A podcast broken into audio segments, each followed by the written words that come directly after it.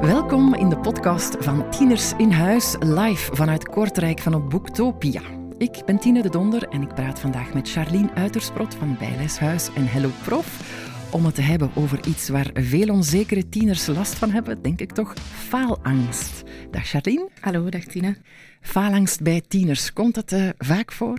Uh, ja, zeker. Komt uh, heel vaak voor uh, bij tieners. Um, vooral bij tieners, omdat zij volop zich gaan ontwikkelen zijn in hun identiteit. Dus um, ja, dat, dat vraagt, allez, dat, dat, roept heel veel onzekerheid op. Ze zijn bang om er niet bij te horen.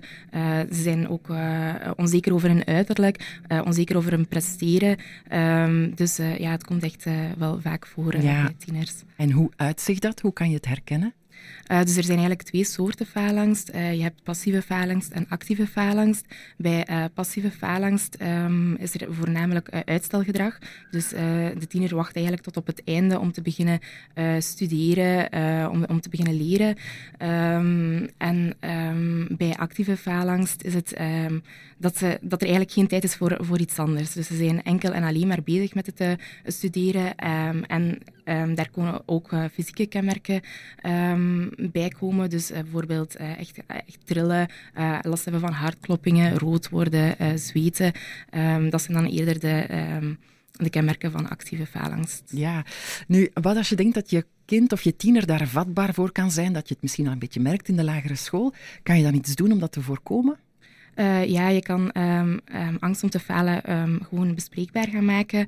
En ook tonen dat je, dat je wil helpen. Dus bouw voorna voornamelijk een vertrouwensband op uh, met de tiener.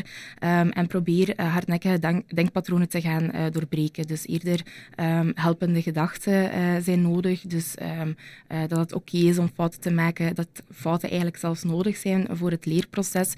dat is daar heel belangrijk in. Dus eigenlijk, met andere woorden, een veilige omgeving eh, creëren voor, eh, voor de tiener. Ja, um, nu, sommige tieners die hebben ook van zodra ze één slecht resultaat hebben, die laten meteen de moed zakken, uh, die geven het op.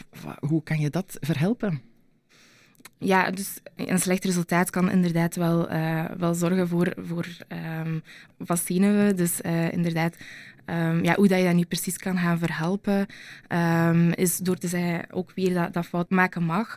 Uh, dus dat belangrijk is voor, uh, voor het uh, leerproces. En wat ook heel belangrijk is, is reacties op, op de prestaties. Dus dat je eigenlijk eerder gaat gaan zeggen van um, je hebt je best gedaan. Het, is niet erg dat er eens een, een, slecht resultaat is.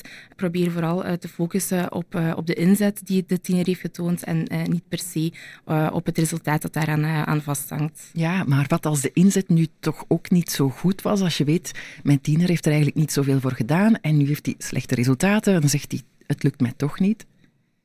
Ja, dus dan uh, is het uh, belangrijk om dat, om dat wel uh, over in gesprek te gaan. probeer dan een duidelijke planning te gaan opstellen. Kijk wat er is fout gelopen um, en ga daarmee aan de slag. Um, dus kijk wat er nodig is om, om, om de tiener te gaan, aan, gaan helpen voor, uh, ja, voor dan uh, de volgende keer uh, het beter te gaan doen. Dat het toch wat beter lukt, ja. En Charlene, wat met kinderen die falangst hebben voor één specifieke competentie, bijvoorbeeld een spreekbeurt geven, um, moeten we dan, of zou het niet beter zijn dat we die grote stress dan vermijden door bijvoorbeeld zo'n dingen niet te doen? Of moeten we die kinderen, moeten we hen dat aandoen?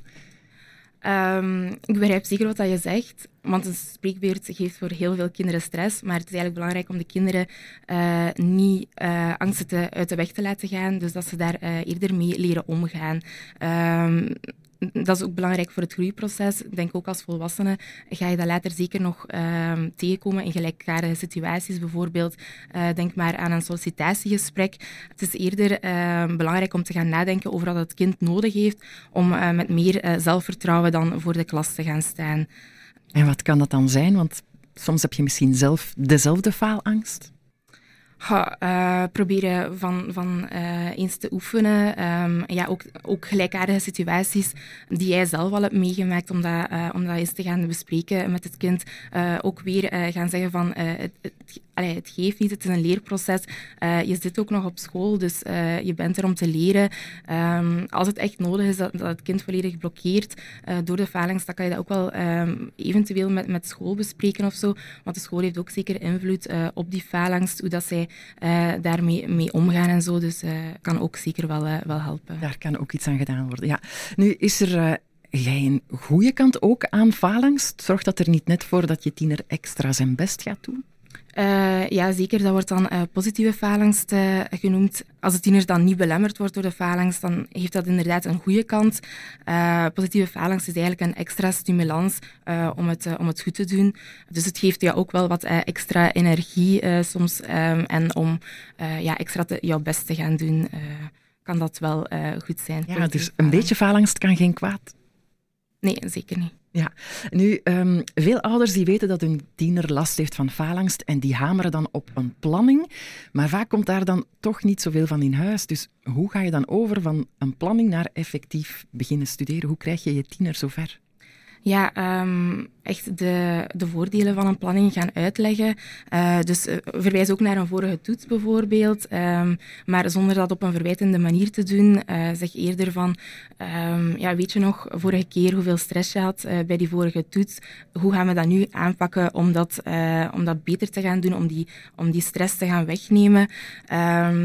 Een planning maken, dat allee, of een goede planning maken, dat gaat zeker niet van de een op de andere dag. Dus help daar ook in. Um, in de huiswerkklas zijn we heel... Uh, dus we zijn recent met uh, Helpprof een huiswerkklas opgestart. Dus daar ligt de focus op, op plannen ook. Uh, en... Um, ja, hoe dat wij dat dan doen. Dus de leerling komt binnen, um, we openen Smart School, uh, we vullen eigenlijk in wat er moet gebeuren, uh, tegen de dag wanneer dat gaat gebeuren. En dan stel ik de leerling ook vragen hoe gaan we die leerstof gaan opdelen? Hoe, ja, hoe wil je dat uh, precies gaan doen? Dus ik probeer ook wel een gesprek daarover te hebben met de leerling. Um, en ja, de leerling daar zelf ook inspraak in te geven, omdat ze zelf ook achter die doelen moeten gaan staan. En maak ook de, de doelen uh, behapbaar. En uh, wees ook concreet. Dat is ook belangrijk voor het, uh, voor het tienerbrein, dus zo concreet mogelijk. Um, bio, biologie leren, dat is geen concreet doel. dus um, ja, bespreek ook hoe je, hoe je dat gaat doen. Het aan de hand van een samenvatting, het aan de hand van een, van een mindmap. Dus het is heel belangrijk om, om dat ook allemaal ja, voor ogen te hebben. Ja, en om ze dan effectief aan het werk te krijgen, moet je dan gaan naast zitten als ouder? Uh, nee, dat hoeft zeker niet per se. Uh, ik denk dat het eerder uh, goed is om, om, om samen te starten. Maar je hoeft daar ook uh, zeker niet, uh, niet de hele tijd naast te zitten. Ik denk dat het ook alleen maar extra duk geeft uh, om daar heel de tijd naast te zitten. Um, maar weet wel, maak wel duidelijk dat je, dat je er bent als er, als er moeilijk, moeilijkheden zijn of zo. Ja. Dus, en wat als um, je kind vooral falangst heeft voor één bepaald examen, bijvoorbeeld wiskunde, en je ziet dat die uitstelt en daar maar niet aan begint, en dat die denkt, het gaat mij toch niet lukken. Hoe krijg je die dan toch aan het werk of om, er, om het toch te proberen? Ja, ook, uh, ook weer uh, duidelijke afspraken gaan maken en ook weer uh, de leerling daar zelf wat inspraak in geven. het is belangrijk dat de leerling zelf het gevoel heeft ja, daar een eigen mening over te hebben, omdat autonomie heel, heel erg belangrijk is daarin. Um, en ben je ook bewust van jouw gedachten. Dus, of maak de leerling bewust van, van zijn gedachten. denken dat het niet gaat kunnen, dat is uh, dat is geen helpende gedachte, dus probeer dat om te zetten. Het is belangrijk om daar ook uh, uh, bewust van te worden en ook zeker niet mee te gaan in die gedachten, want de angst van het kind wordt ook geprojecteerd op jouzelf. Dus ehm, probeer ook daar niet mee te gaan en probeer daarvan van los te komen. Ja, dus als ouder echt letterlijk zeggen van, je gaat het wel kunnen, ik geloof erin. Zo? Um, dat helpt ook niet altijd, omdat, je, um, omdat de kind op dat moment niet, uh, dat niet gelooft, maar ga dan eerder ook op zoek van uh, wat kan jou wel helpen, hoe, hoe kan ik er voor jou zijn, uh, zodat je het beter gaat doen. Um, gaan zeggen van, je kan het sowieso, um, ja, dat is, op dat moment gaat dat kind dat, dat natuurlijk niet, niet geloven, maar, maar zoek samen naar wat er wel nodig is om om dat wel te geloven. Ja, en vindt het een goed idee om te zeggen, de punten zijn niet belangrijk?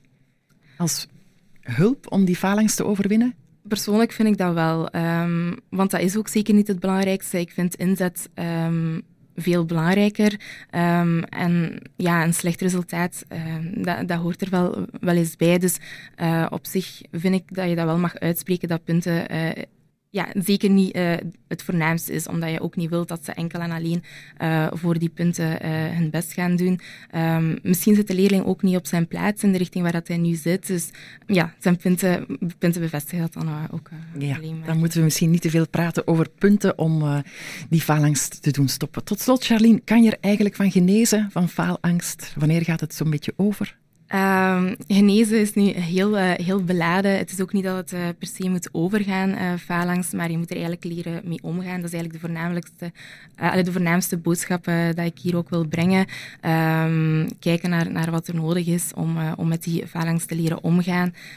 Um, maar ja, je hoeft er niet voor, van te genezen, omdat het kan je ook helpen om beter jouw best te gaan doen.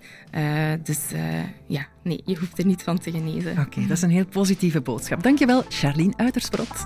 Graag gedaan. Je luisterde naar een speciale aflevering van de podcast van Tieners in Huis, naar aanleiding van Boektopia in Kortrijk. Interview en montage waren in handen van mezelf, Tine de Donder. Volg zeker Tieners in Huis op Facebook of Instagram voor meer advies en tips van experten en herkenbare verhalen van andere ouders. Heel graag tot de volgende keer.